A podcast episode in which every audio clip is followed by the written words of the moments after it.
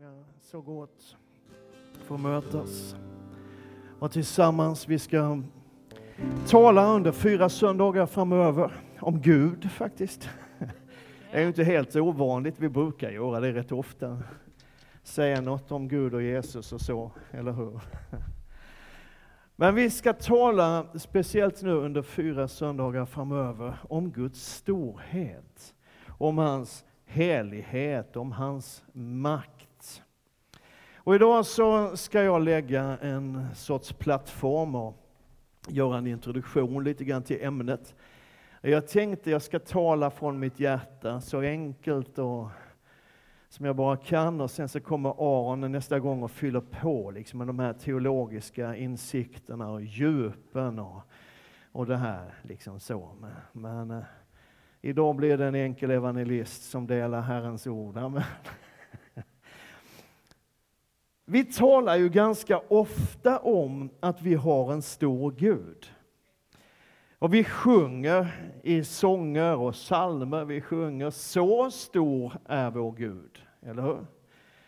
Eh, och är man eh, liksom till min generation och så, där, så, så sjunger man gärna och med glädje också O store Gud, eller hur? Frågan är ifall vi ens, du och jag, vi små människor, ens kan ana hur stor vår Gud är. Vi sjunger, sjunger den här lovsången, Så stor är vår Gud, och då tänker jag alltid, hur stor är vår Gud? Paulus skriver så här i Första Timoteusbrevets sjätte kapitel. Bevara budskapet rent och oförfalskat till vår Herre Jesu Kristi ankomst, som den salige ende härskaren ska låta oss få se när tiden är inne. Han är kungarnas kung och herrarnas herre, han som ensam är odödlig och bor i ett ljus dit ingen kan komma och som ingen människa har sett eller kan se. Den store, väldige och redan i början av Bibeln så beskrivs vår Gud som den högste. Och det kommer tillbaka gång på gång genom hela Gamla Testamentet och i en del tillfällen i Nya Testamentet. Gud, den högste. Och jag vet inte om det beror på att man liksom inte hade uppenbarelse från början Eh, när, när människorna började tillbe Gud den högste, liksom att man kanske inte hade riktig uppenbarelse på att det faktiskt bara finns en Gud. Utan att man, man, liksom, man kanske lyssnade till andra folk som, som tjänar andra gudar och insåg, ja men det finns nog en massa gudar, men vi tjänar i alla fall Gud den högste. Han som är över alla de andra gudarna. Det står ju så vid några tillfällen i Gamla Testamentet också. Han som är över alla gudar. Fast det finns ju inga andra gudar. Det finns ju bara en Gud. Men liksom, om det fanns andra gudar så skulle vår Gud ändå vara högst, för min pappa är starkare än din. Amen.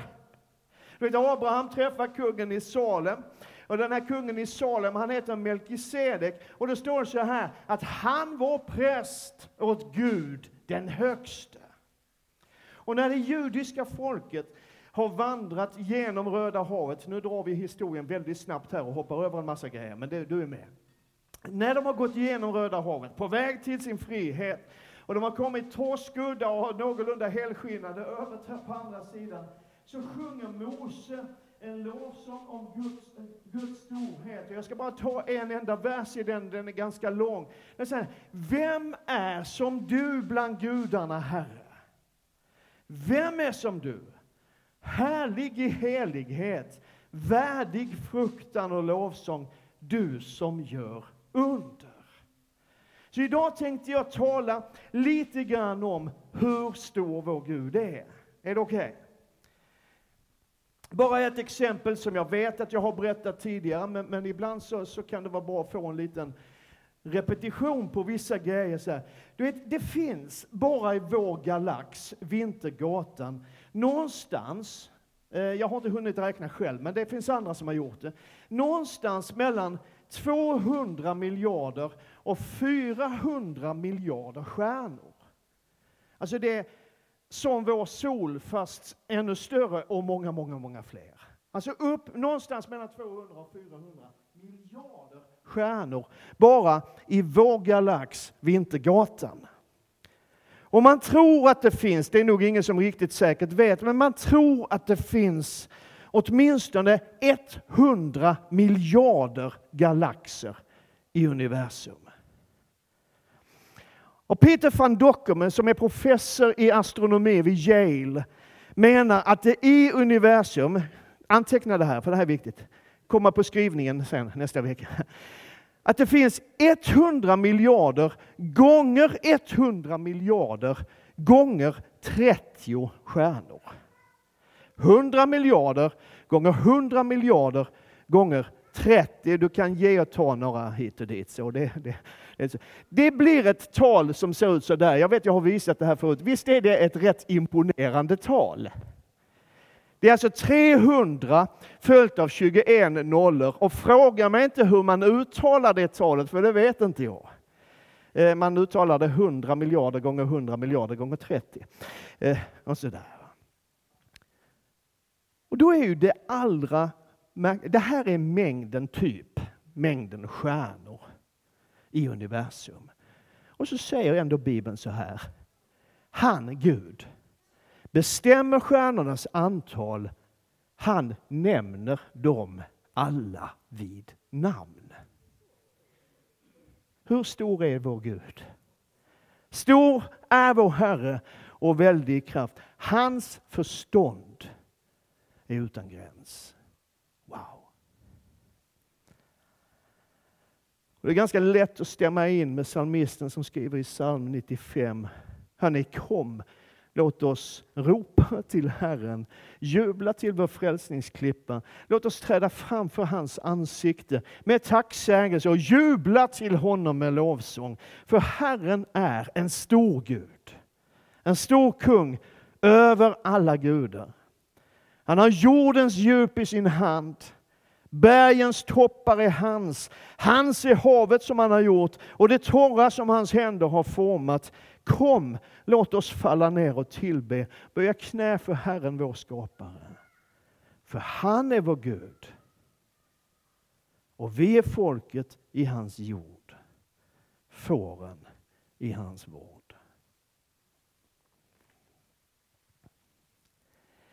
Ibland så hör man folk säga ungefär så här. Jag har hört det ganska många gånger under mitt liv som, som predikant och pastor och församlingsledare. Folk som säger ungefär så här.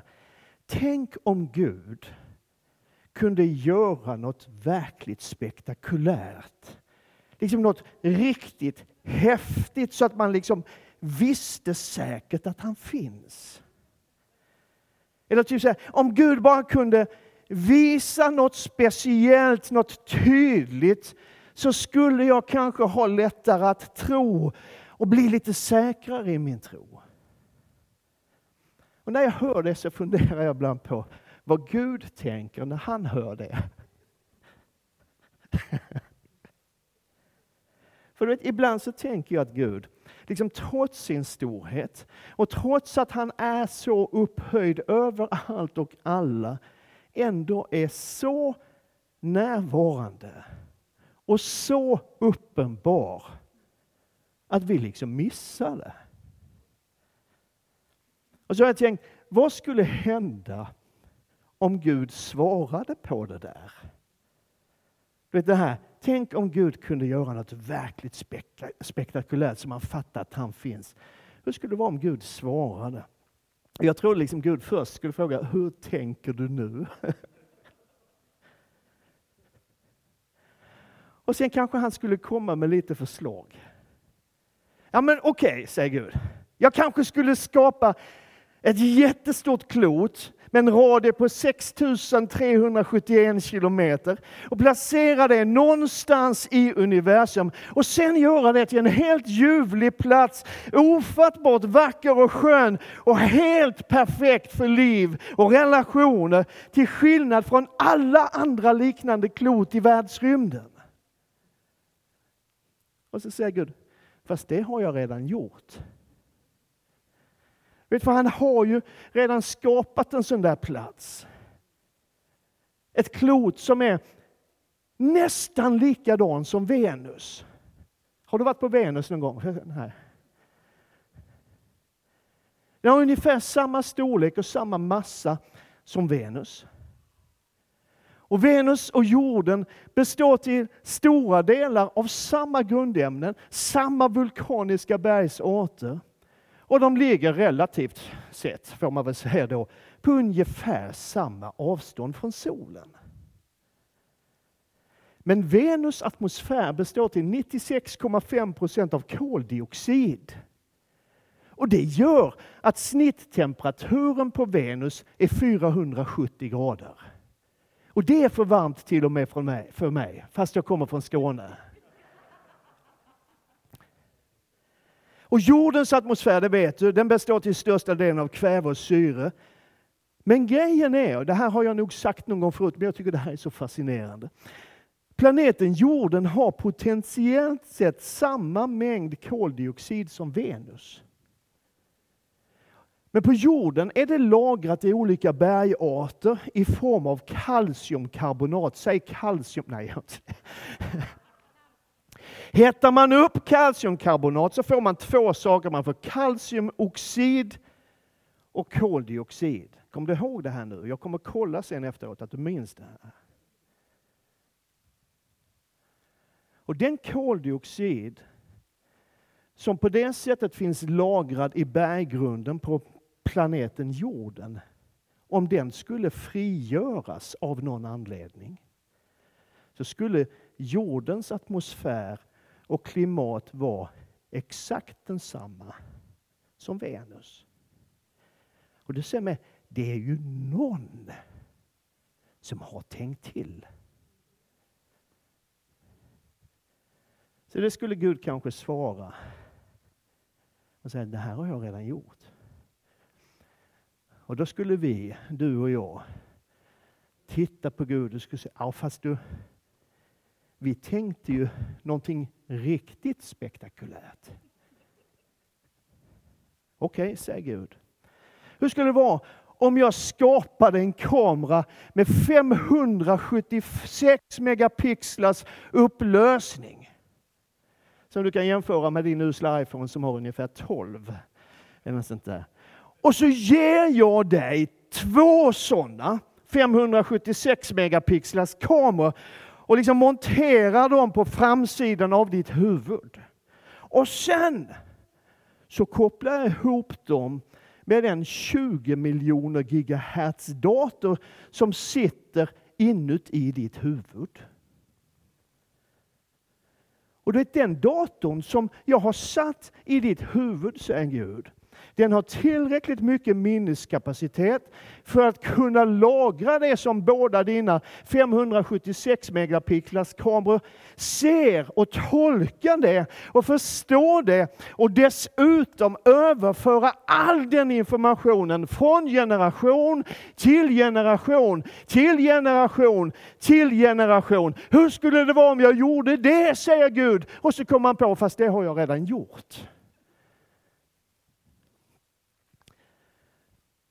Ja, fast Gud, vi menar något sånt där riktigt häftigt liksom. Okej. Okay. Om jag skapar ett system, säger Gud, som ser till att alla förbrukade byggstenar i din kropp ersätts av nya helt automatiskt och utan att du ens behöver tänka på det. Så till och med, vilket det faktiskt är så här, att om det skulle dö varje sekund ungefär en miljon celler i din kropp. Tänk hur många celler som har dött bara de här minuterna du lyssnar på mig.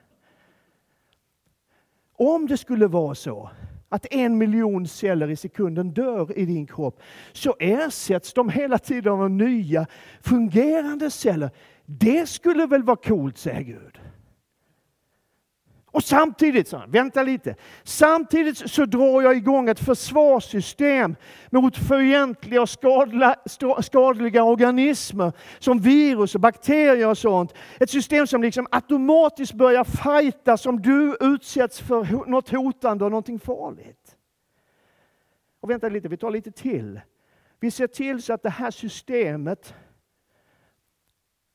Få era lungor att samla syre, att era hjärtan slår och blodet transporterar det där syret i hela kroppen. Och på samma gång, vi tar en grej till samtidigt.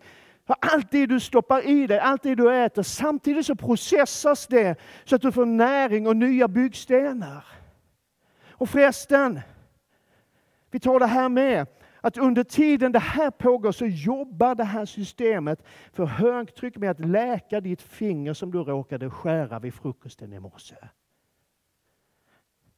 Det vore väl rätt spektakulärt, tycker Gud. Ja, fast vi menar något riktigt coolt, Gud. Okej. Okay. Det här då. Jag väljer ut en kille, en enda kille och så väntar jag tills han och hans fru blir sjukt gamla.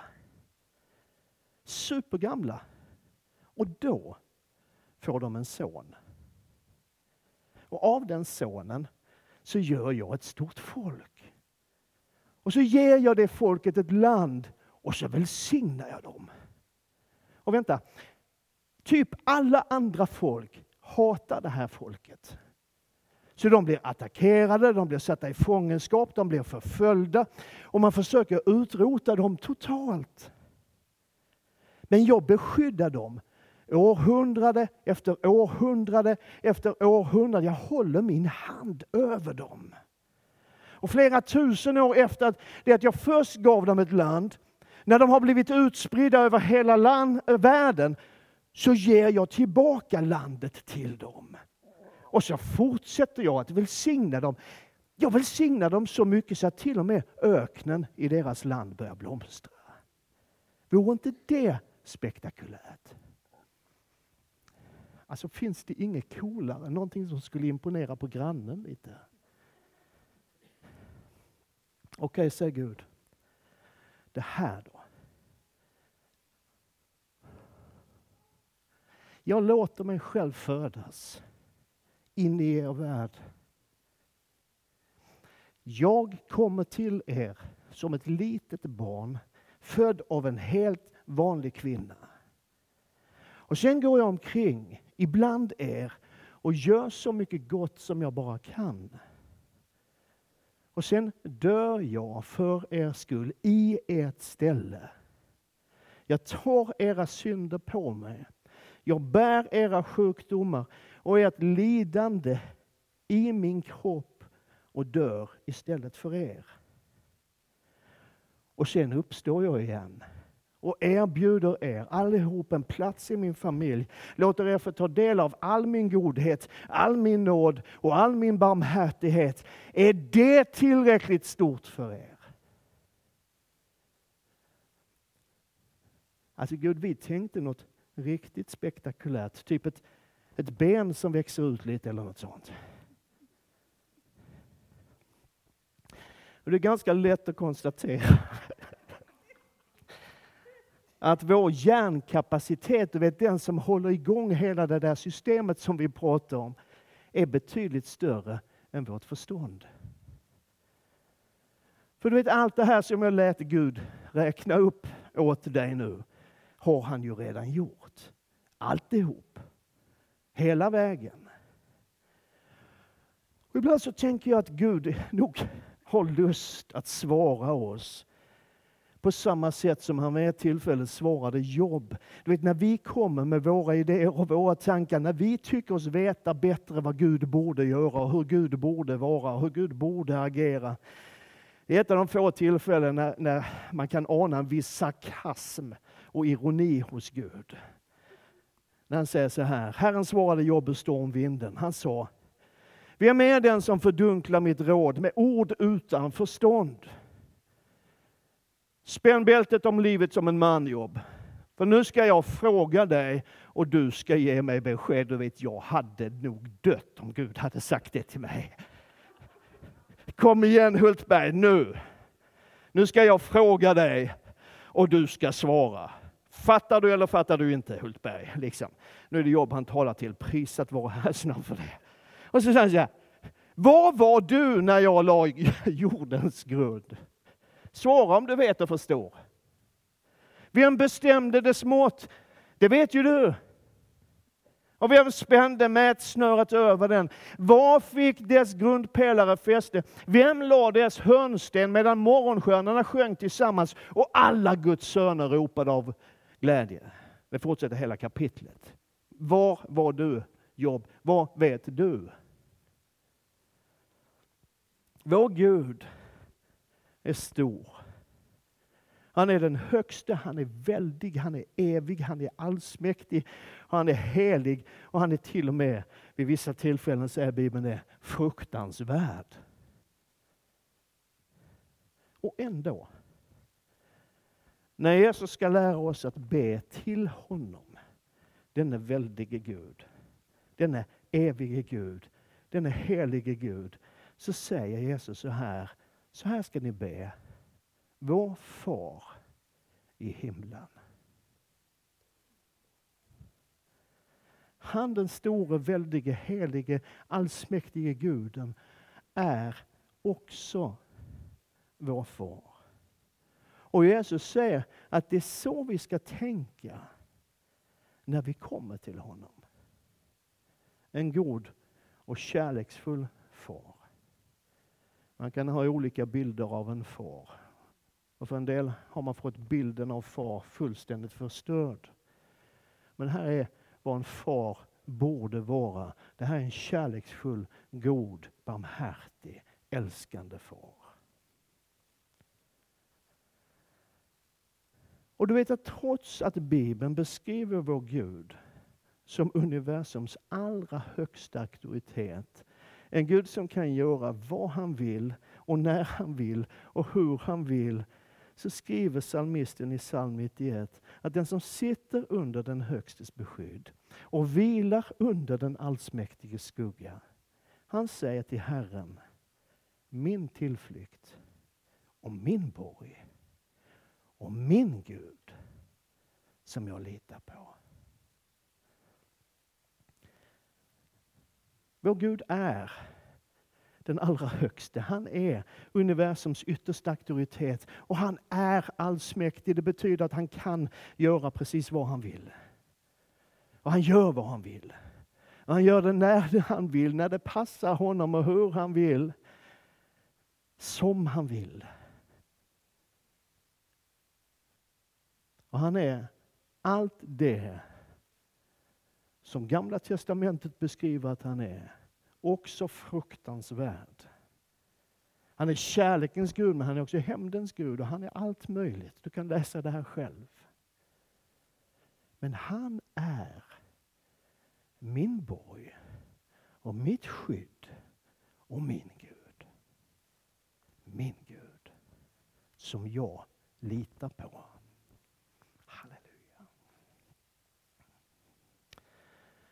Och trots att Bibeln beskriver vår Gud som väldig och helig och värd att frukta. En jord, som det står i psalm 18, en Gud som får jorden att bäva och bergen att darra.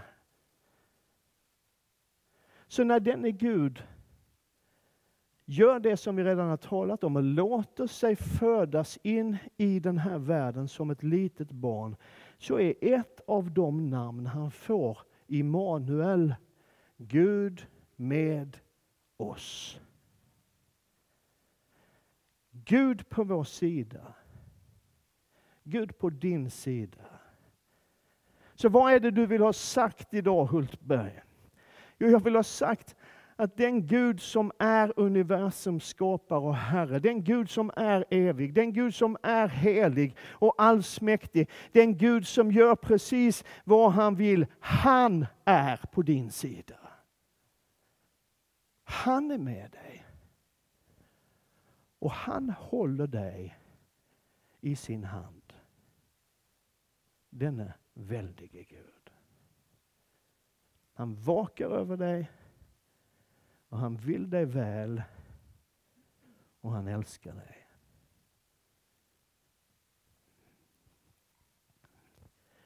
Liksom den starkaste. Ni kan gå upp och göra er klara. Visst var det en ganska kort predikan idag? Ja. Den starkaste kraften och den starkaste makten och härligheten i hela universum. Ta, ta in, försök att ta in det här. Den starkaste kraften, makten och härligheten i hela universum står på din sida, är för dig. Det är så att den starkaste kraften, makten och härligheten i hela universum står på din sida och är för dig. Och ingenting kan rycka dig ur hans hand.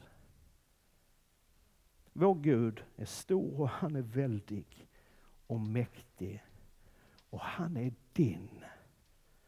Och du är hans. Amen.